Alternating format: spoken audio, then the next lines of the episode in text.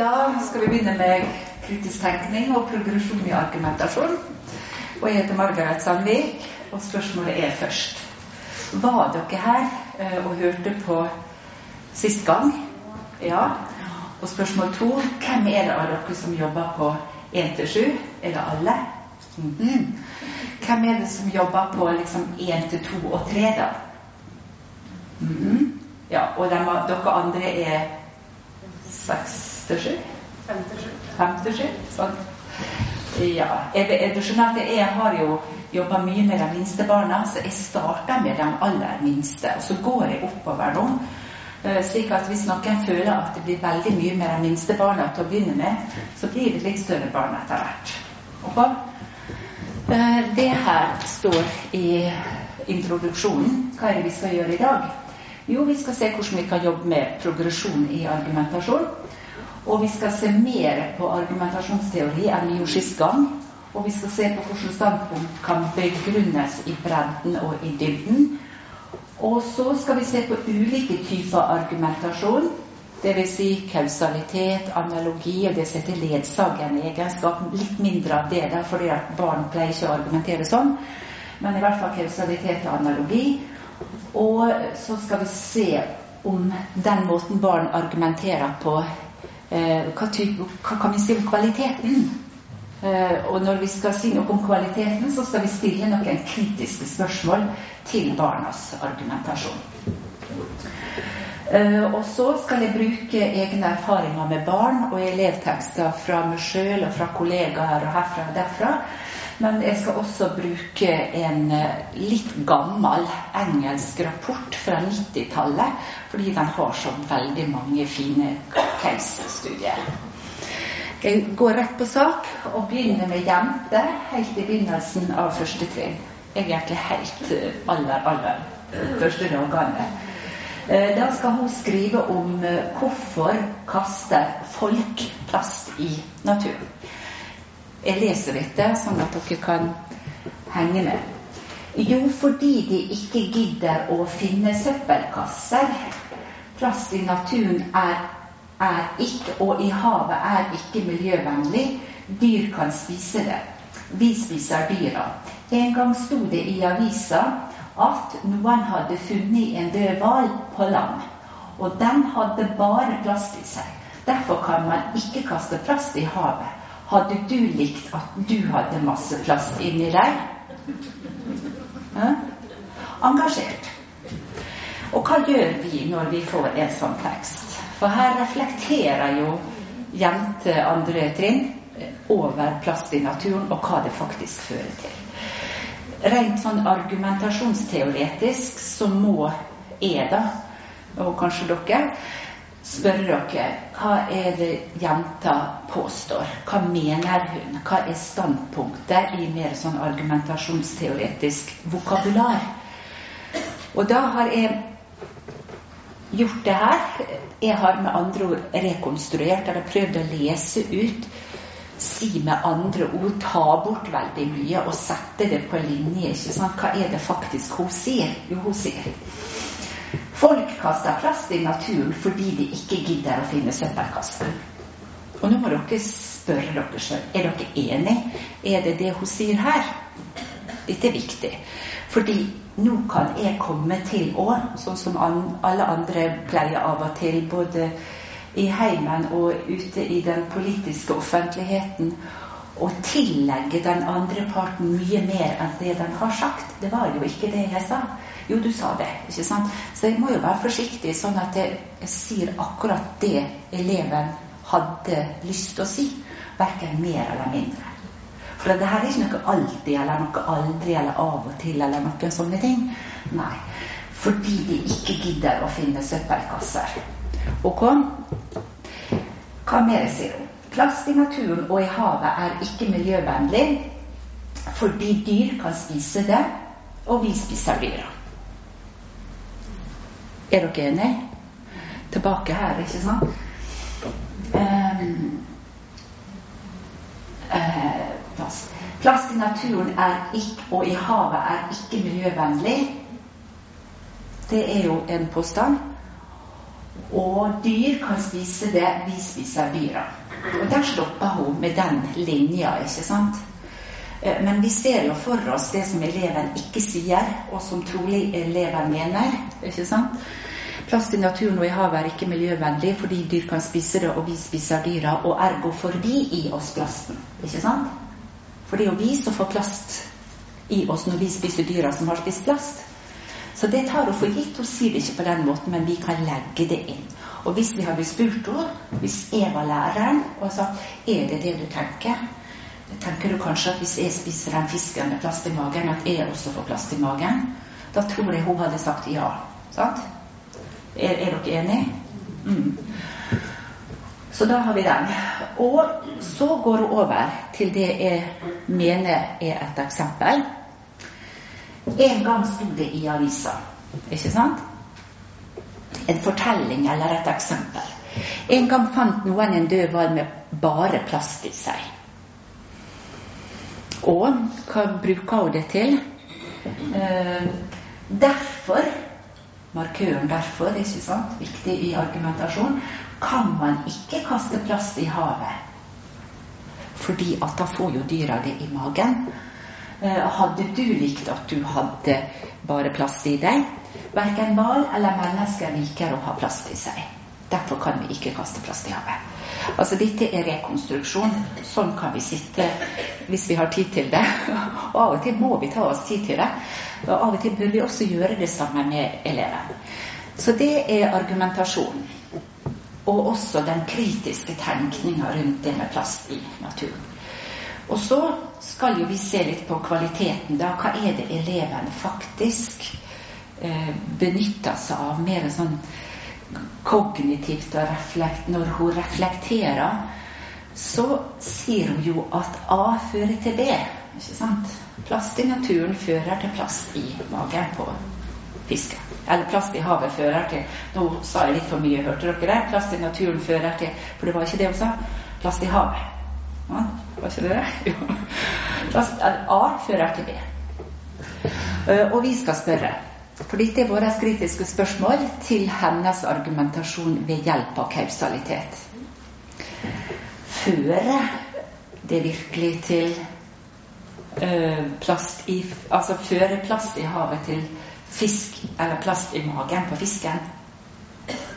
Og, og, nå må jo vi bare tenke, ikke sant? fordi dette har ikke vi svar på, men her er det vi som skal på banen og stille disse kritiske spørsmålene til hennes argumentasjon. Videre skal vi spørre kan det være andre ting som fører til B enn A. Kan det være andre ting? Kan, kan, kan den der plassen i magen på fisken komme fra et annet sted enn at noen har kasta det i havet? Hva tror dere, da? Ja, du tror det? Hvor kommer den fra, da? Det kommer fra land. Det kommer fra land. Ja. Eh, men noen har kasta det. Er, er, vi enige i det? Og her kunne vi holde på i det vide og det brede, ikke sant? Eh, men vi skal spørre oss kan det komme fra noe annet. Eh, fra, fra en annen kilde da, enn at mennesker har gjort det. Og sannsynligvis er det jo ingen andre kilder. Ikke sant? Det er ikke noen der oppe som slapp det ned. ikke sant? Nei. og så er det også spørsmål kan A føre til andre ting enn B kan plass i havet føre til andre ting enn at det havner i magen på fisken, og også da i magen på mennesker, osv., osv. For sånn skal vi spørre og grave og fin pirke borti elevens argumentasjon. Så hvis dere har dette redskapet her Det er ikke veldig mange kritiske spørsmål, men det er å se på kilden til, til B. Altså hva kommer Hvorfor har vi B? Jo, fordi at A. Uh, og da tror jeg at dere har et redskap til å vurdere eh, kausaliteten, årsak-virkning, når elever uttrykker årsak-virkning. Og det jeg syns er spennende i tillegg her, det er jo at dette er en andreklassing. Ikke sant? Det er andreklassingen som sier noe om årsak-virkning. Og nå kjenner ikke vi akkurat denne andreklassingen, men det kan jo være at de er vant til å diskutere hjemme. Eh, det kan være at de har hatt om det på skolen og diskutert det. Hun hadde jo også disse 'derfor' og 'fordi', sant, som er så veldig tydelige argumentasjonsmarkører. Eh, vi skal se litt på analogien, for hun hadde en analogi. For hun hadde den her. Hadde du likt det ikke sant? å ha plass til magen? Eh, verken hval eller mennesker liker å ha plass til seg. Eh, og da lager hun en sammenligning eller en analogi mellom hvalen eller fisken og oss mennesker. Og vi skal spørre er det en god analogi, eller er den svak? Er den eh, vi blir jo litt berørt av den, blir ikke vi det? Du kan ta den først, da, hvis vi ser på det følelsesmessige her. Uh, tenk hvis jeg bare uh, hadde magen full av plaster. Ville jeg ha likt det? Nei, jeg ville ikke ha likt det. Du ville ikke ha likt det, osv. Um, her. Uh, så spørsmålet er er hval og mennesker sammenlignbare. Er det for drøyt å trekke mennesker her? Og er det viktige forskjeller mellom hval og mennesker. Det er jo det, ikke sant? Uh, og er det andre tilfeller som A heller kunne ha vært sammenligna med, altså den hvalen? Kunne den hvalen ha vært sammenligna med noen andre enn oss mennesker? Ja. Du kunne jo tatt en analogi på, på annen type forurensning og hva det gjør med andre dyr osv. Men hun velger noen mennesker her. Dette er vurderings... Eller de kritiske spørsmålene. Og eh, jeg overlater jo til dere å tenke videre på dem og også bruke dem etterpå. Eh, men jeg kan i hvert fall si én ting om analogien, og det er at veldig mange barn bruker analogi. Eh, de bruker det tidlig, det visste dere sist, med han gutten som ville ha disse korta, ikke sant, for kameraten hadde Pokémon-kort. Da vil også han ha. Og så sa han i neste øyeblikk at hvis jeg skal legge meg, så skal du legge deg, mamma. Og det var en dårlig analogi. ikke sant? Den holder ikke. Uh, men det der å se seg sjøl i forhold til andre, det gjør barn veldig tidlig. Så da tenker de sammenligning. Og i vårt språk, da, argumentasjonsspråk, så bygger de en analogi. Der er en til type argumentasjon som vi sjelden finner sånn veldig ofte hos barn. Uh, og det er at det, ligger noe symptomalt, eller det ligger noe i en person eller i et fenomen som liksom uh, gjør sånn at hvis f.eks. Har dere hørt den at alle lærere stemmer SV? Ikke sant? Det er det skjemaet der. Og, og da er det spørsmålet slik at uh, er det virkelig, er virkelig tilfelle? ikke sant? Og så kan vi dra borti den her. Men jeg tror jeg går forbi den der, for jeg har ikke noe elevtekst på den. Vi går videre her, for vi har jo litt dårlig tid i dag. da. Her er et prosjekt som jeg skal referere. Det er fra 19, dette er en rapport fra 1993. Eh, det er et senter, retorikksenter i England som da hadde som prosjekt å få flere skoler ute i kommunene til å ha argumentasjonsprosjekt fra første trinn og oppover. Altså fra fem år til 16. Eh, og eh, jeg tror ikke jeg sier mer, for at jeg kommer inn på den rapporten etterpå. og det den rapporten bl.a. har som en rød tråd, og som også Erik har sagt, og også Evy har sagt tidligere i dag, det er jo at det elevene argumenterer om, eller tenker kritisk om, det er like viktig som hvordan de argumenterer. Og dette skal jo vi også ta inn over oss. Vi skal ikke sitte bare og drille liksom, kausalitet og avfører til vi og sånn. Men hva er det som fører til Hva er det inne i A-en, og hva er det inne i B-en? Jo, det er fagstoffet. Uh, og i den rapporten så sier de det hele veien gjennom alle kassestudiene. Lærerne som da kommer til orde, sier at det er veldig viktig å treffe elevene. Og også at elevene har kunnskap fra fagene, men også at når vi setter i gang prosjekt, at det berører elevene. Slik at de får lyst til å argumentere og tenke kritisk. Og det, også, det, som også går som en rød tråd gjennom uh, rapporten, er jo det at uh, veldig mange lærere sier at argumentasjonsprosjektet henger sammen med respekt. Og det å ha toleranse som en, et tema i klasserommet. Det henger sammen med klasseledelse og med skolens overordna syn på toleranse.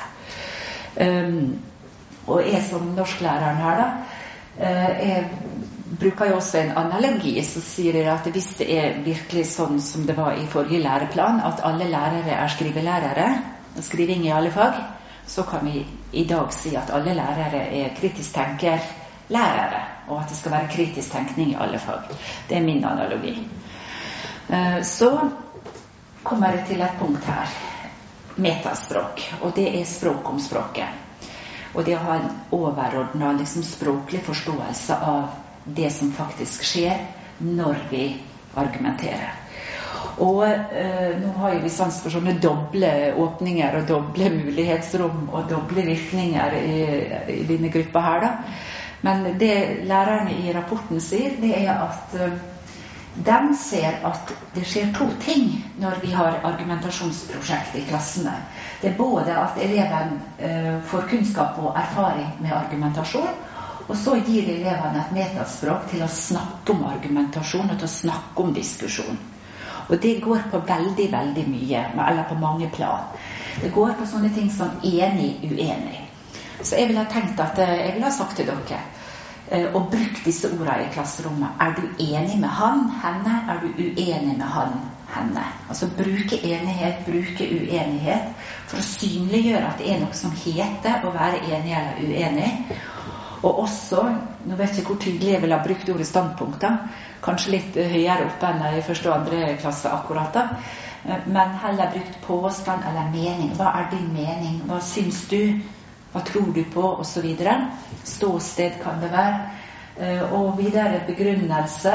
Hvordan kan du begrunne, eller hvorfor mener du dette? Premiss, argument, forsvar, angrep er også sånne ord som tilhører metaspråket argumentasjon. Så får dere vurdere når elevene er modne nok for å få ditt, altså dette fagbegrepene inn. da.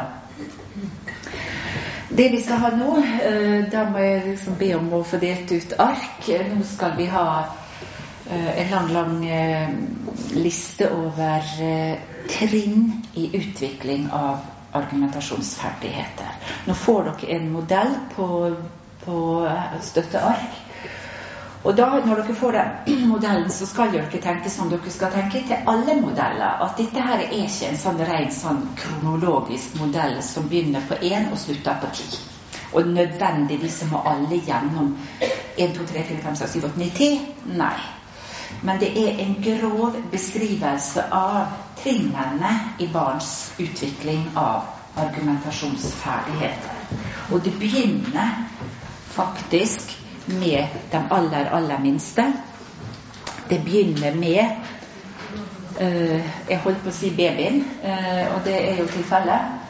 Uh, og det betyr ikke at nå skal dere begynne å bli veldig veldig interessert i den barna som er ti måneder. men det er jo fint hvis dere er det, da. Men det er også slik at disse trinnene som vi finner rent sånn utviklingsmessig, hos den babyen som faktisk er ti måneder, det trinnet eller den måten å argumentere på kan vi like gjerne finne igjen hos større elever og ungdommer og voksne hvis man er pressa nok. Skjønner du? Så det første som står her, det er jo da rett og slett det førspråklige barnet. Ti måneder. Eh, hvordan hevder de eller viser de sin mening? Jo, ved fysisk kommunikasjon for å uttrykke en eller annen sak, en eller annen vilje. Noe som, sånn at Vi bruker kamp og konflikt her da, fordi å vise at det, det, er noe som barnet gjerne vil ha, kanskje fordi du har det, og så kaller vi det kampkonflikt. Det er litt mer for å få det inn i argumentasjonsrammene. Eh, og da er det rett og slett at det kommuniserer fysisk uten ord i det hele tatt. Det gjør jo vi òg av og til. Enig? Ikke sant? Yes, det du. To, førspråklig stadium fremdeles. Det som nå har kommet inn, det er fremdeles ikke ord, men det er stemme. Det er lyd. Og f.eks. skriking. Og stemmens ulike kvaliteter. Så det barnet her, da, eh, det kan faktisk eh, enten gråte, selvfølgelig, men også skrike høyt for å vise at 'dette vil jeg ha', eller 'dette vil jeg ikke ha', og jeg er skrekkelig uenig med det. Og jeg ser jo det langs Jeg ser det overalt. Ikke sant? Det er ikke bare ti måneder, så jeg vet akkurat det her da. Men vi er på tre. Vi er på tre. Nå kan barnet uttrykke en mening, men ikke mer enn det. Det vil si at jeg vil. Jeg vil ha, eller jeg vil. Mhm. Her er ikke det begrunnelse. Jeg syns X. Ikke sant? Og jeg tenker, hvor er deres elever uh, i la vi si første klasse, da? På denne lista her, eller på denne grove beskrivelsen. Eh, kanskje der. Eh, vi går til fire. Nå er det enda mer verbalt. ikke sant? Det kan uttrykke mening eller standpunkt og enkeltstående argument som støtte. Her begynner vi å se den egentlige argumentasjonen der standpunkt og begrunnelse henger sammen som to sider av en sak. Uh, og på dette stadiet her så er det da tilstrekkelig at standpunktet er forsvart og underbygd. Vi skal ikke gå inn i selve kvaliteten på underbygningen eller begrunnelsen. Og veldig ofte kan vi høre barn på denne, dette trinnet eller nivået her si at jeg syns ikke vi skal drepe dyr, for det er dumt å drepe dyr. Dumt eller vondt eller sånn. Uh, her er det en begrunnelse. Den er temmelig primitiv. Uh -huh. Men det er en begrunnelse. Så det er den linken mellom to ytringer vi er ute etter. Vi går til fem. Barnet kan uttrykke en mening og underbygge med en rekke argument. ikke sant? Det er blitt enda mer liksom, trena bevisst at jo mer jeg underbygger, jo lettere får jeg saken gjennom. Mm. Uh, og det er ikke akkurat at vi skal telle antall akkurat når vi begynner å oppdage dette i klasserommet, men vi gjør jo det kanskje egentlig likevel, da, for vi vet jo at mange argument som også går litt i dybden, da er det kvalitet. Men poenget her er at det har flere måter å støtte påstanden sin på. Det kan ha eksempler, sånn som vi så med han, hun jenta i sted. Det kan legge, fortelle en liten fortelling. Det kan også motargumentere. Skjønne at du sier det, jeg vil ikke ha det sånn. Fungerer som støtte for hennes eller hans standpunkt. Uh, vi er på seks. Nå er barnet i stand til å Og det blir mer og mer komplisert. Sant?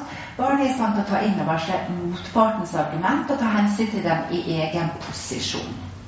Og det er jo sånn som vi lærer tidlig. ikke sant? At det, mm -hmm, Jeg vet ikke hvor tidlig vi lærer det, men egentlig hvis vi vet at jeg vil møte motstand på noe, for jeg har noe jeg har kjempelyst på. Jeg virkelig har så lyst på den nye dunjakka. Uh, men jeg vet at uh, mora mi eller faren min vil si nei. Og den kanskje vil si at den ikke kan vaskes.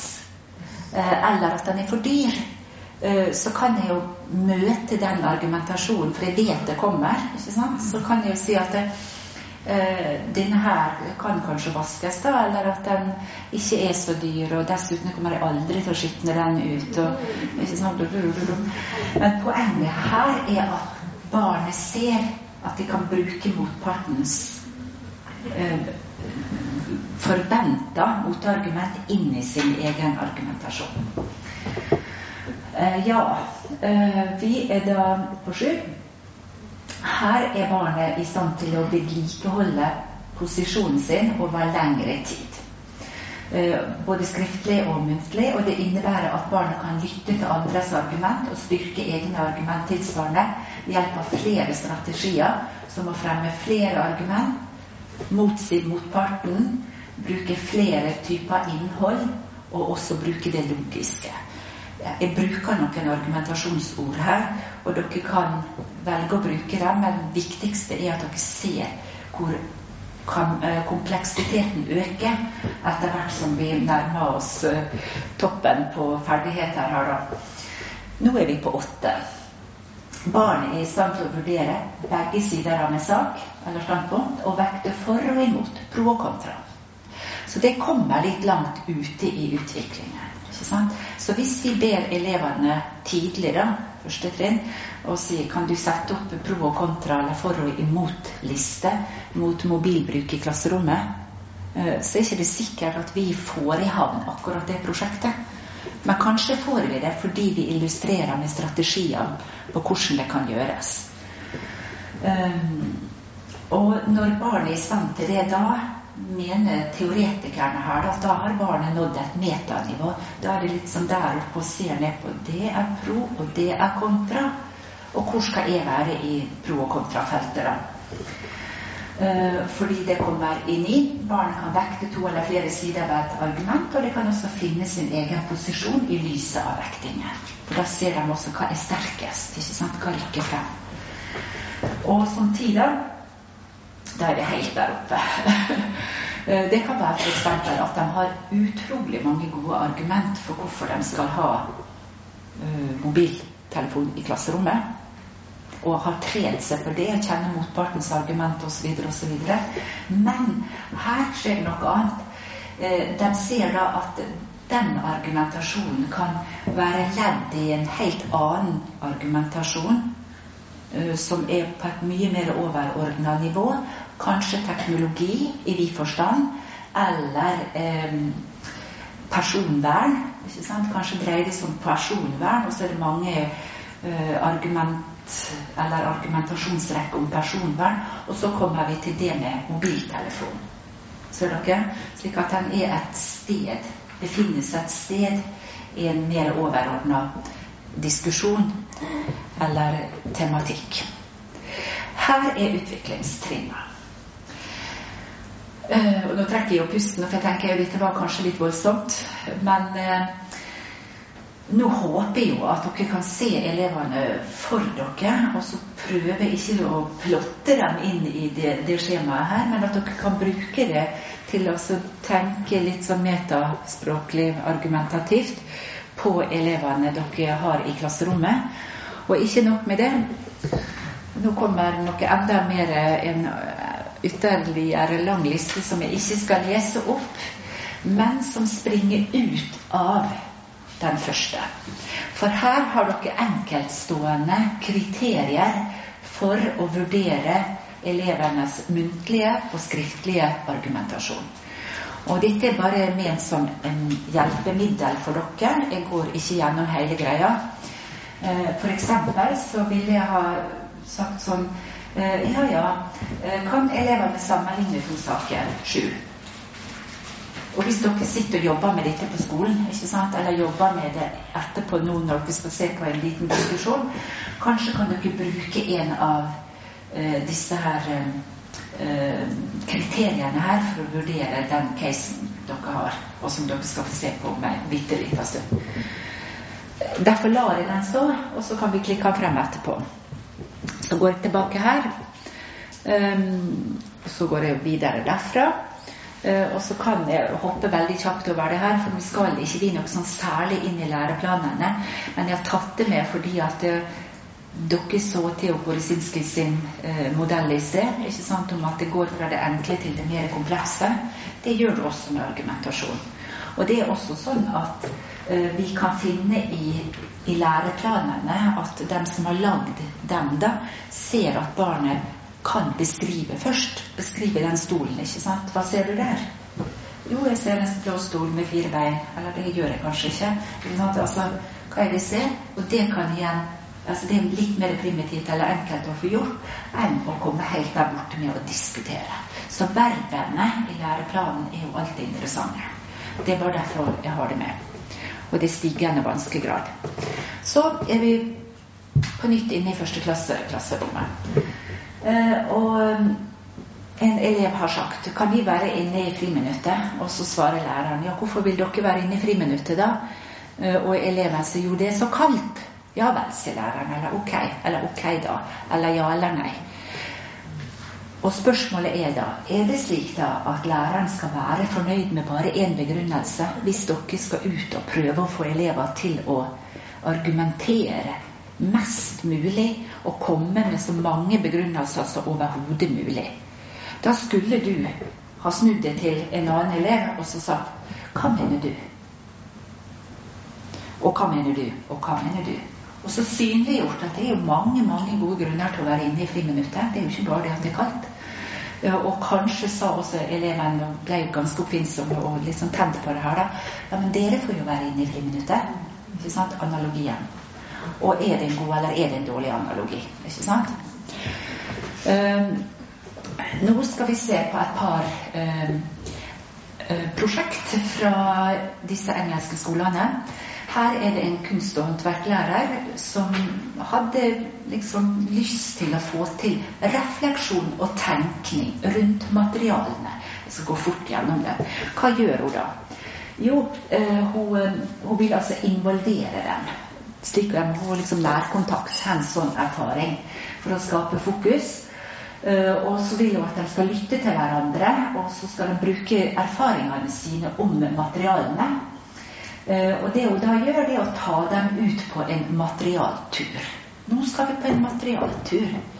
Uh, og hun valgte den dagen det regner, for det var hensikten hennes. Det skulle nemlig regne, for da skjer det noe med materialene.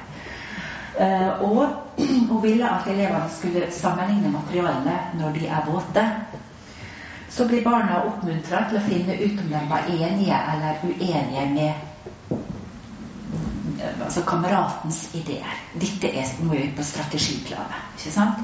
For nå har hun synliggjort at du kan være enig, eller du kan være uenig. Og det er en strategi. Du jobber med en strategi. Eh, og tenk deg om nå. Er du enig, eller er du ikke enig? Og så er en ny strategi bruken av fordi. Og den bruken av fordi kommer igjen flere ganger i lærernes strategier, som vi skal se i dag. Fordi at når du stopper opp og sier 'fordi', fordi at Så ber du om en begrunnelse. Og det skal man jo egentlig gjøre. Og så skal jo vi også begrunne ting når vi påstår noe. ikke sant? Godt pedagogisk råd. Ok, da. Ute i skogen Eh, så sier en elev da jeg tror ikke vannet kan synke inn i metall, fordi metallet er for hardt. Og det har ikke hull som vannet kan komme inn i. Og en annen elev sier ja, når det regner, blir skogen mørkere. Og læreren sier fordi Og da kommer elev inn og, inn og sier fordi vannet kommer gjennom hullene. Og læreren sier og hvor går vannet da? Det synker inn i treet. Dette er jo et bitte lite utdrag. Eh, og læreren sier at eh, i disse samtalene her så var jeg jo ute etter den refleksjonen. Forskjellen på materialene. Men jeg var vel så mye ute etter å få dem til å si noe, føle noe, sette ord på det. Og hennes holdning var sånn at hun ville gi positive tilbakemeldinger. Og jeg sier mm, interessant, ja. Kan du forklare litt mer? Uh, og hvis det var noe som var definitivt temmelig, temmelig uenig i, eller som kanskje ikke var så godt underbygd, så kunne hun si, fortalte hun, ja, du sa jo X, da mente du kanskje Y? Uh, jeg tror jeg mener at det kan bli slik. Uh, akkurat det ordet forstår jeg ikke helt. Da, hva mente du med det? Ja, men hvis det skjedde, da hvordan kan det her skje? Så dette er holdninger, svarmåter overfor elevene. Jeg suser videre. Jeg altså, Før dere får begynne å jobbe, så bare trekke pusten litt. For nå er vi fremdeles på første og andre trinn. Vi har gått over til eventyr. Eventyr der det er et moralsk spørsmål eller et dilemma som vi kan bruke i argumentasjonsprosjekt. Og vi skal innom tre eventyr veldig kjapt. Uh, Gullhår og de tre bjørnene, da krokodilla mista tunga si, og da påfunnet og ravnen fikk fargene sine. Og i de to første eventyrene så dreier saken seg om stjeling. Er det galt å stjele? Når blir noe stjeling? Eh, hvis du låner noe og ikke gir det tilbake, er det stjeling. Dette er særlig temaet det aller siste. Da låne noe og ikke ta, ta, gi det tilbake. Det er tematikken i da krokodilla mista tunga si. For da låner reven tunga, og så leverer ikke reven tunga tilbake. Men det skal dere få se etterpå. Og I den siste, der påfunnet ravnen fikk fargene sine, dyrefabler, da er det tålmodighet. Den tålmodige påfunnet som blir så fin, og den himla utålmodige ravnen som bare ruller seg rundt i fargene og blir svart. Løpet er kjørt, ikke sant? Så skal vi se hvordan Gullhår og de tre bjørnene er brukt. Og læreren sier jeg ville fokusere på unnskyldninger. Ordet unnskyld og unnskyldninger, det kan elevene. Eh, og det er en god inngang til argumentasjon, for det, det, er jo argumentasjon det, når vi unnskylder oss om det, den største overbevisning. Uh, da er en, av klass, en i klassen er da Gullhår, eller Geir med gullhåret. ikke sant? Dette er rollespill. Uh, og så er da annet, en annen elev, det er Bjørn. Og da skal egentlig f.eks. Geir med gullhåret da si, uh, når Bjørn har spurt hva gjør du her, da, så skal Geir eller Gullhår si jeg så grøten på bordet. Eller de skal si det de han må jo unnskylde seg. 'Hva gjør du inne her?' Eh, 'Jeg så grøten på bordet, og da ble jeg sulten.' Men du har ikke lov å gå inn. Nå er poenget til læreren at dette skal bli en lang diskusjon mellom Geir eller Gullhår og Bjørn. Og da trener de på hva er det Gullhår eller Geir skal svare. Eh, og så har læreren prøvd å bruke to strategier her, som læreren sier at det var litt, egentlig litt vanskelig. Jeg fikk ikke strategiene til å virke, men strategiene var i hvert fall en slags forhandlingsstrategi. Da. Hvis jeg får lov å være her, eller få lov å få litt grøt, så kan kanskje du Da kan jeg gi deg Det brukte ikke de, men det er en strategi ikke sånn som vi kan synliggjøre og oppfordre til å bruke. Eller en informasjonsstrategi. Ja, men du var uh, du, du, så så snill ut. Uh, og da fikk jeg kanskje er det en informasjonsstrategi. I hvert fall så virka ikke det helt i prosjektet hennes, da. Men her er selve uh, prosjektet rollespillet. To og to på løpende bånd. Flere elever på løpende bånd inn. Bjørn, hvorfor har du i huset mitt gutt eller Geir eller Gullivår eller hvem det blir, fordi jeg så grøten på bordet. Men du kan ikke gå inn i huset mitt. Jeg var så syk. Hvilken sykdom har du? Jeg er forkjøla. Men du hoster ikke. Uh, og så er det noe blitt borte her, og jeg kan ikke huske hva det var. Om det var sånn at ja, men du har ikke feber, eller ikke sant? Det er om å gjøre å holde på lenge, så lenge som mulig før de gir seg. Vi går videre. Hva gjør du her? Døra var åpen. Men du har ikke lov å gå inn i huset til andre. Å, jeg trodde det var mitt hus. Kom deg ut, jeg hater deg. Jeg hater deg òg. Nå skal jeg spise grøten min. Kan jeg få smake? Ok. Vil du ha kanel og sukker? Hvorfor er du i huset vårt? Jeg er så sulten. Men du kan ikke gå inn i huset. Jeg har ikke spist frokost. Du kan ikke gå inn i huset likevel. Dessuten er du et lite barn, og du kan ikke gå alene i skogen. Ikke sant? Og Her ser du at det er mer innhold som legges på. Og da må kanskje Geir eller Gullhår forsvare at hun er alene ute i skogen. Ikke sant? Så nå er det skifte i temaet. Uh, og det, det, dette her varte og det rakk. ikke sant? Og jeg ser jo for meg dette er jo ting dere kan gjøre på de laveste trinnene, eller annen, tredje og fjerde kanskje til og med også to og to og se hvor lenge de kan argumentere. Og så skal en jo bruke det til noe etterpå. Ikke sant? Diskutere argumentene. Har Gullhår eller Geir gode argument for å gå inn i huset og spise opp grøten? Ødelegge stolene? Ligge i senga? Ikke sant? Det må jo elevene sjøl være med å diskutere. Burde Geir eller Gullvåg gått det? Kan stjeling forsvares hvis man er sulten? Er det stjeling, eller er det ren nød? ikke sant? Og det som bruktes her, da, uh, i dette prosjektet, det var ei barnebok. Betty the Burglar og Billy the Burglar, uh, et eller annet sånt. Der det var et, uh, litt av et radarpar ikke sant? som var litt på siden av loven, som stjal, og som sa at det, det var for å feed the baby. ikke sant? Uh, og da syns jo veldig mange av elevene fryktelig synd i den babyen som ikke hadde mat. Og at foreldrene måtte ut av stjele, det var helt ok. Til et visst punkt. da. Og da var det nettopp det siste temaet eller dilemmaet. da. Kan den som stjeler mat for å redde babyen sin, kan det, burde den bli straffa? Ja. Uh, her uh, evaluerer læreren og sier at uh, denne, hun er veldig imponert over elevenes evne til å respondere der og da. Ikke sant? Der og da, det er i rollespillet. Og de tar Husk, de vet jo ikke hva Bjørn sier. og Bjørn vet ikke hva Geir eller Gullhår sier. Ikke sant? Så de holder tråden gående.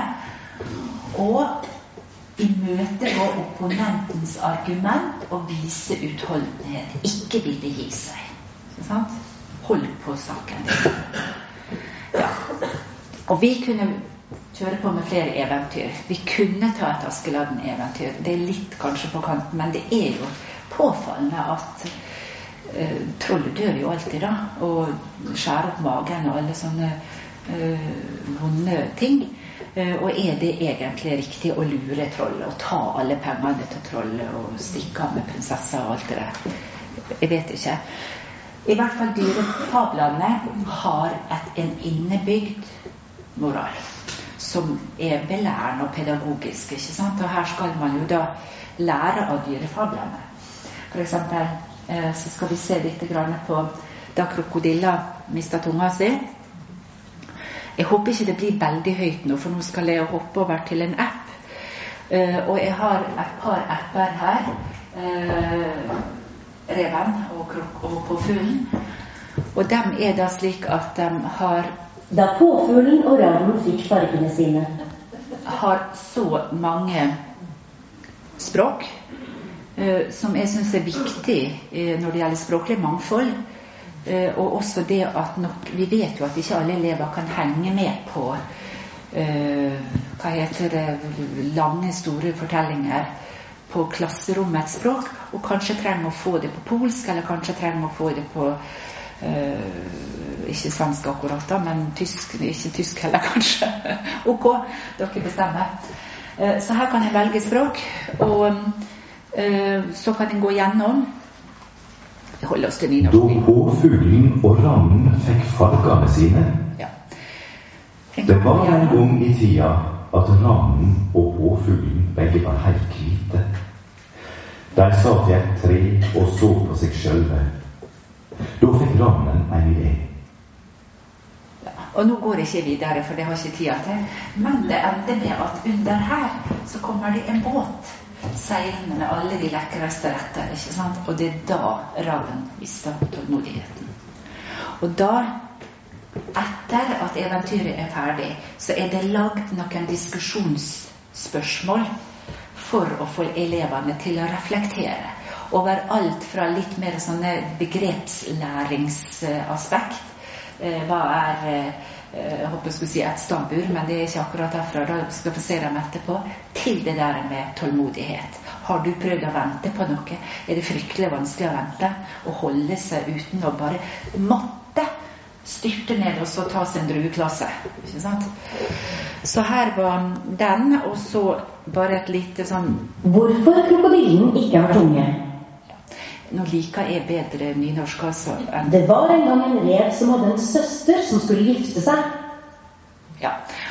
Og eh, den eh, søstera kan jo ikke bli gift uten at reven har ei tunge så han Og dette er et somalisk eventyr, slik at eh, reven skal lage bryllupslåt eller sang som er sånn Eller sånn rullelyd. Kan dere den? Eh, I somalisk kultur. Og krokodiller har en stor og fin tunge. Aha. Jeg prøver å overtale. Jeg spør jo først alle dyra. Eh, Reven hadde ikke noe tunge, så hun kunne ikke lage den spesielle lyden som man brukte for å feire bryllup i Somalia. ja, jeg tror ikke vi er ikke tålmodige nok til å vente på til han kommer til krokodiller. Men krokodiller er grei. Vekk tunga. Reven er så fornøyd. Leverer den aldri tilbake. Men kan heller ikke nærme seg vannet der krokodilla er. Og nå er det sikkert noe naturfaglig her, eh, sånn at kanskje reven aldri nærmer seg vannet. Ikke vet jeg. Men disse dyrefaglene har en innebygd uh, moral. Et, eh, også et dilemma, kanskje, som er fint å bruke i diskusjon med elevene. Og her er de spørsmåla som hører til disse appene. da. Eh, hvorfor vil ikke reven gi tilbake tunga? Sånn, og tunga gjør at dyrene kjenner smak. Hva bruker dyrene, ø, bruker dyrene ø- øynene til og ørene til, og sånn og sånn? Uh, og så videre. Og det samme med påfunn og ravnen. Og dette kan jo dere se om dere vil gå inn og titte nærmere på, for jeg tror disse her appene her, der er et eller annet som prøvetid. Bare gå inn i AppStore og så prøve det, og så ferdig med det, så har dere fått en forsmak på det. Nei, nå skulle jeg ikke gjøre sånn. Nå skulle jeg bla. Da skal vi snart se på eh, han gutt eh, ni år. Eh, du kan jo dele ut den, da. Nå skal vi se på Vi går litt oppover i alderstrinna her. Eh, og her er det en lærer som har tenkt at jeg skal jobbe med to temaer i klassen min. Jeg skal både jobbe med det med å lyve og stjele, og så skal jeg jobbe med spørsmålet om gutter og jenter blir behandla likt.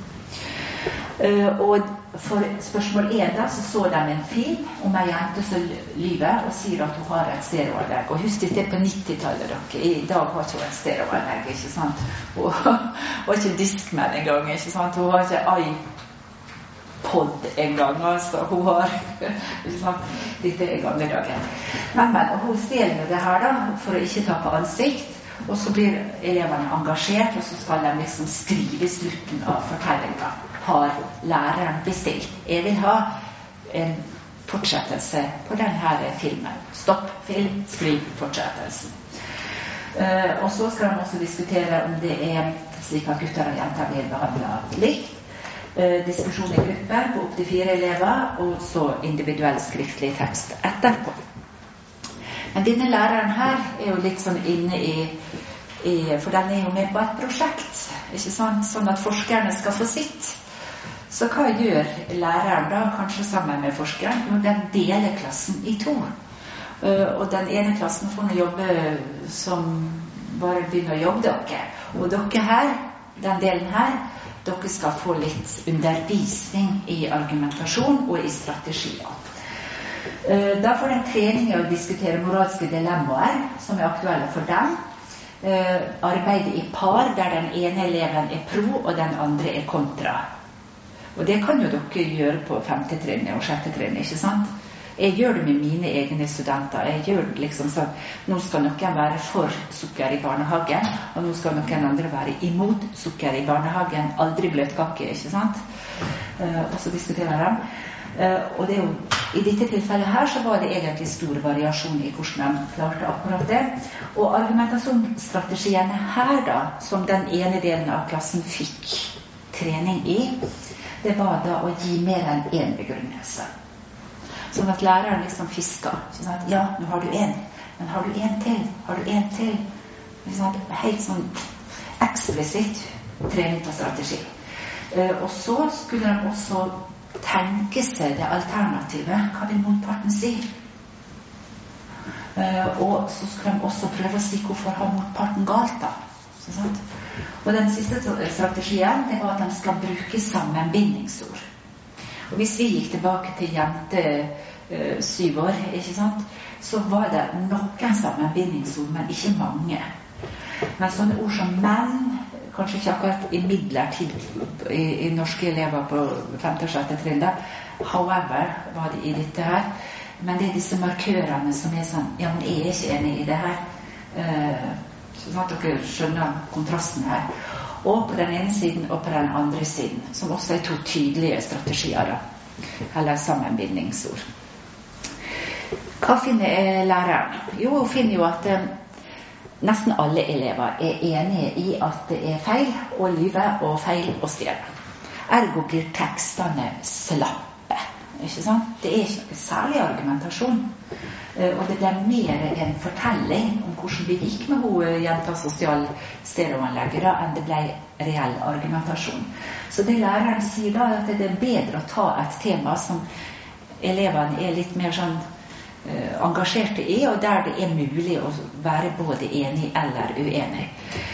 Um, og derfor blir oppgaven om kjønn mer argumenterende.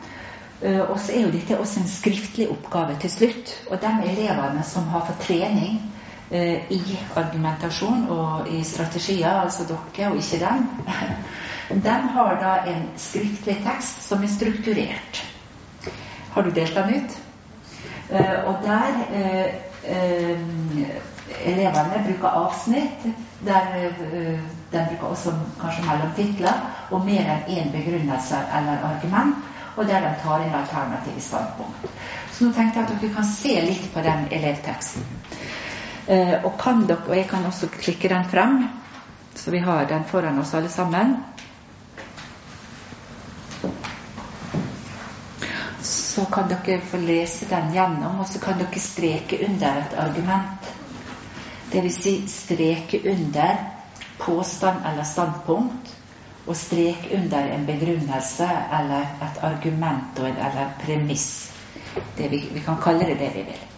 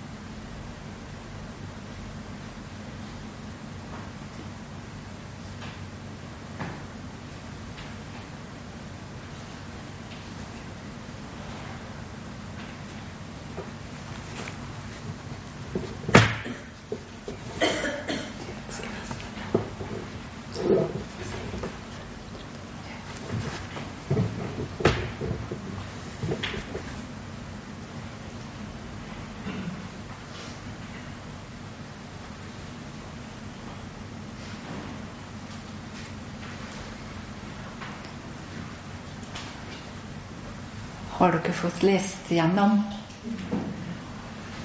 Er det noen som har lyst til å melde seg frivillig til å komme med et standpunkt eller et ståsted eller en mening, påstand, fra denne gutten på ni år? Hva syns han om gutter og jenter? Er det forskjellsbehandling, eller blir de behandla likt? Forskjell. ja. Eh, og når du sier at eh, ja, han mener at det er forskjellsbehandling, hva gir han som begrunnelse? Han uh, sier at, gutt, at, voksne forventer at gutter skal være røffe, tøffe, og jenter skal være snille og. Ja. og vi hørte dere, ikke sant? Voksne forventer at gutter skal være røffe og tøffe, og jenter skal være snille og høflige.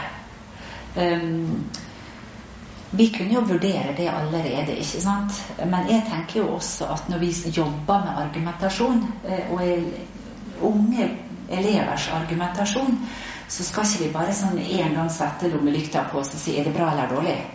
Ikke sant? Vi må også kunne gi elevene en sjanse ikke sant, til å vi må lese ut alt og ikke henge oss rett på evalueringen med en gang. For han sier jo mer, ikke sant? Hva mer sier han?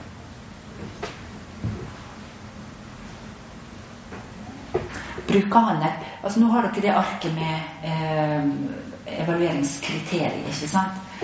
Og, så du kan ikke bare liksom, ta fra den lista og så se er det noe i den lista som vi kan hvis vi drar til dem, da. Uh, som vi kan uh, vi, se på her, f.eks. på tolv begrunnelse, opptil flere begrunnelser, eller passende begrunnelser. Uh, er det andre ting vi finner fra den lista? Jeg vil jo tenke at kanskje eneren er jo aller, aller, aller viktigst. Og fordi det er elevtekster, og kanskje umodne skrivere som skriver begynner på noe og forandrer litt sånn mening midt inni, og så tar det en annen retning, så er ikke det alltid å lese ut like lett å lese ut hva er det eleven mener. For det er ikke sikkert eleven vet det. ikke sant? Så han begynner jo å skrive, ikke sant? og teksten blir til mens han skriver, veldig ofte.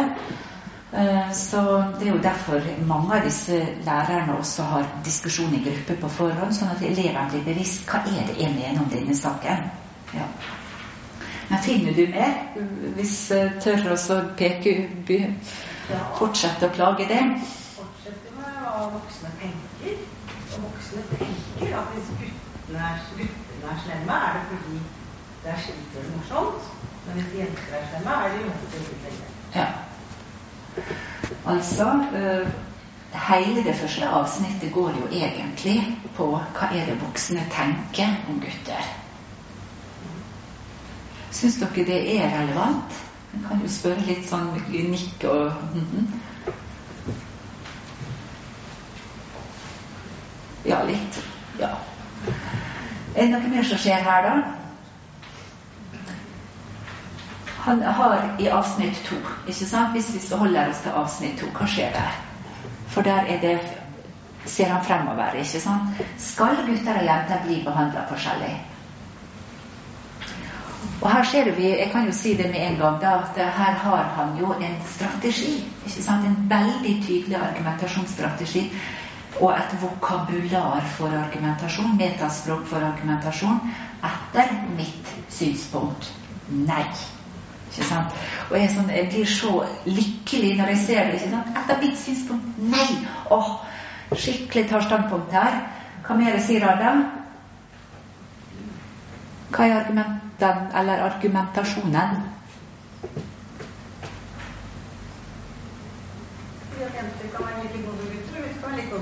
Ja.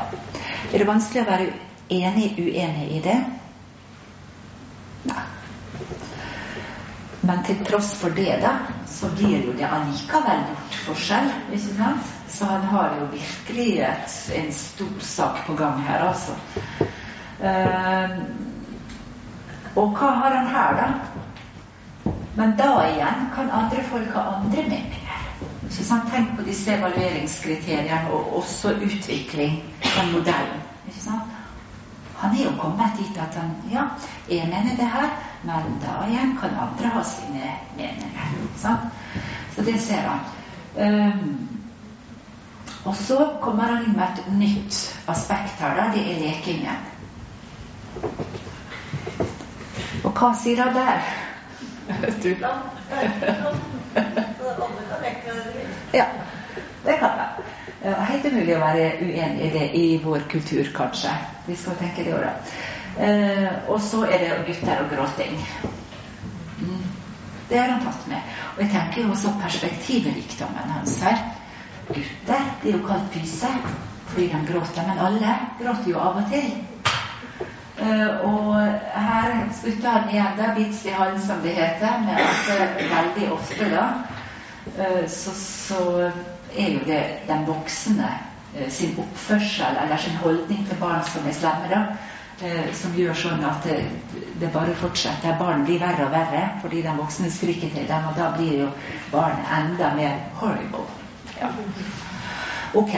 Her, Dette er jo et prosjekt, ikke sant? Eh, så i det prosjektet her så finner da læreren at det er eh, veldig mye argumentasjon. Og også så sier hun at det, det, er nyttig eller fornuftig å undervise i argumentasjonsstrategier. Fordi den gruppa som hadde fått den undervisninga, de skrev virkelig mye mer argumenterende tekster og brukte ja, mer struktur og alt det der. da. Uh, og her er det med TV og sånt, så jeg tror ikke vi reflekterer over her. fordi jeg tror jeg begynner å få litt dårlig tid. Ti minutter. Vi tar et nytt prosjekt. Vi går tilbake igjen til andre klasse. Og dette tror jeg kan brukes både i andre og tredje og i fjerde og femte og oppover. Dette er altså rollespill. Og vi ser at det, det, det er kanskje eh, pedagogisk forstand en tid da det var en del rollespill. Og her er tematikken Eh, at eh, klassen skal tenke seg at de er på et skip. Skipet forliser. Klassen strander på en øde øy. Og de må gjøre noe for å redde seg. Og de må prioritere noe foran noe annet. Og så blir elevene oppfordra til å komme med ideer. Og først av alt til å etablere grunnregler for diskusjon. I seg sjøl er jo det et lite prosjekt. Jeg vet ikke, Er det noen av dere som gjør sånt når dere har klassediskusjoner? Uh, spør elevene hva regler skal vi ha for diskusjon. Og, og, så kan man jo være enig eller uenig i reglene, da. Men her ble de enige om at vi må, vi må faktisk holde på turen. ikke sant? Alle kan ikke snakke på én gang. En eller annen turfordeling må vi ha. Rekke opp hånda eller be om 'Kan jeg snakke nå?' Eh, og så eh, er det ikke lov å ha uvennlige eller personlige bemerkninger. Du skal ikke si noe slemt til andre.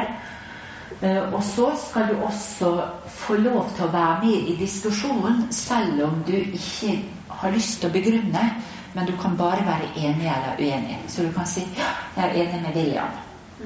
Da er du med i diskusjonen. Du er ikke pressa til noe mer. Skal vi se på eh, diskusjonen, eller dere skal nå få lese den gjennom, da. Eh, og denne er jo litt lang, da. Kan dere suse gjennom den hvis det går an? Eh, og læreren er, er, litt ekstra ute etter her. Eh, vi kan begrense oss nå, da, fordi vi har jo litt dårlig tid. Kan dere se på hva læreren gjør i sine replikker til elevene? Og kan dere finne en eller to replikker fra en elev der det er litt argumentasjon? Altså en litt lengre replikk da, der det er tydelig at eleven argumenterer. Ja. tar vi et par-tre minutter på det.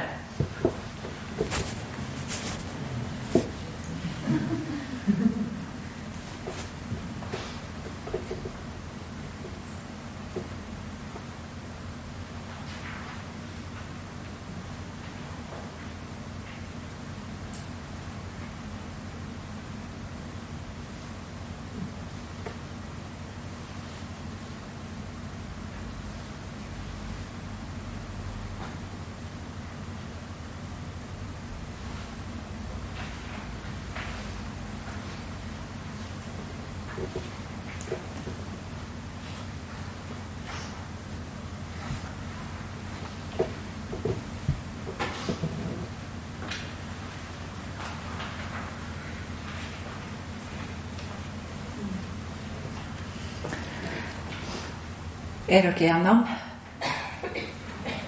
Tror dere disse her blir enige om ja eller nei til å ha en sjef? det er kanskje litt sprikende meninger i denne gruppa her. Eh, men her er det læreren som, da, som ledd i rollespillet. Det er jo så mye som skal skje, for de skal jo overleve og bygge ei hytte og skaffe seg vann og alt det her. Så de har jo skjønt at dette her er jo veldig kaotisk. Kanskje trenger vi en sjef, sier læreren.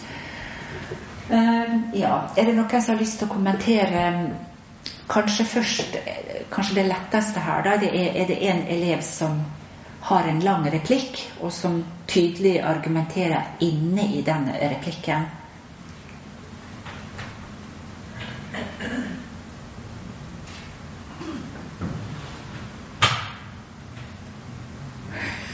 Du har fått Dette er som, helt som bestandig, ikke sant? Uh, du får bare ta det, da.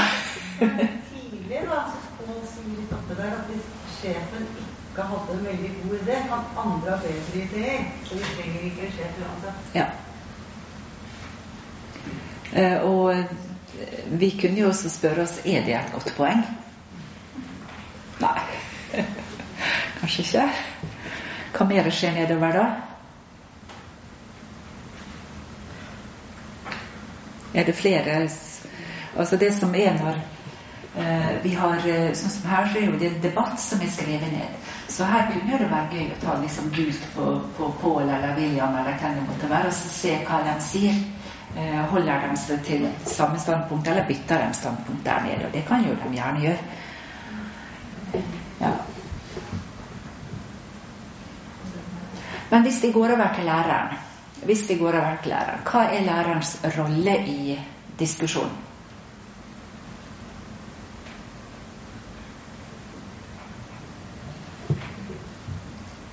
Jeg ser at dere liker på det fremste bordet her. da. Nå har jeg jo kanskje begynt å se på det fremste bordet. da. Det er jo litt dumt. da.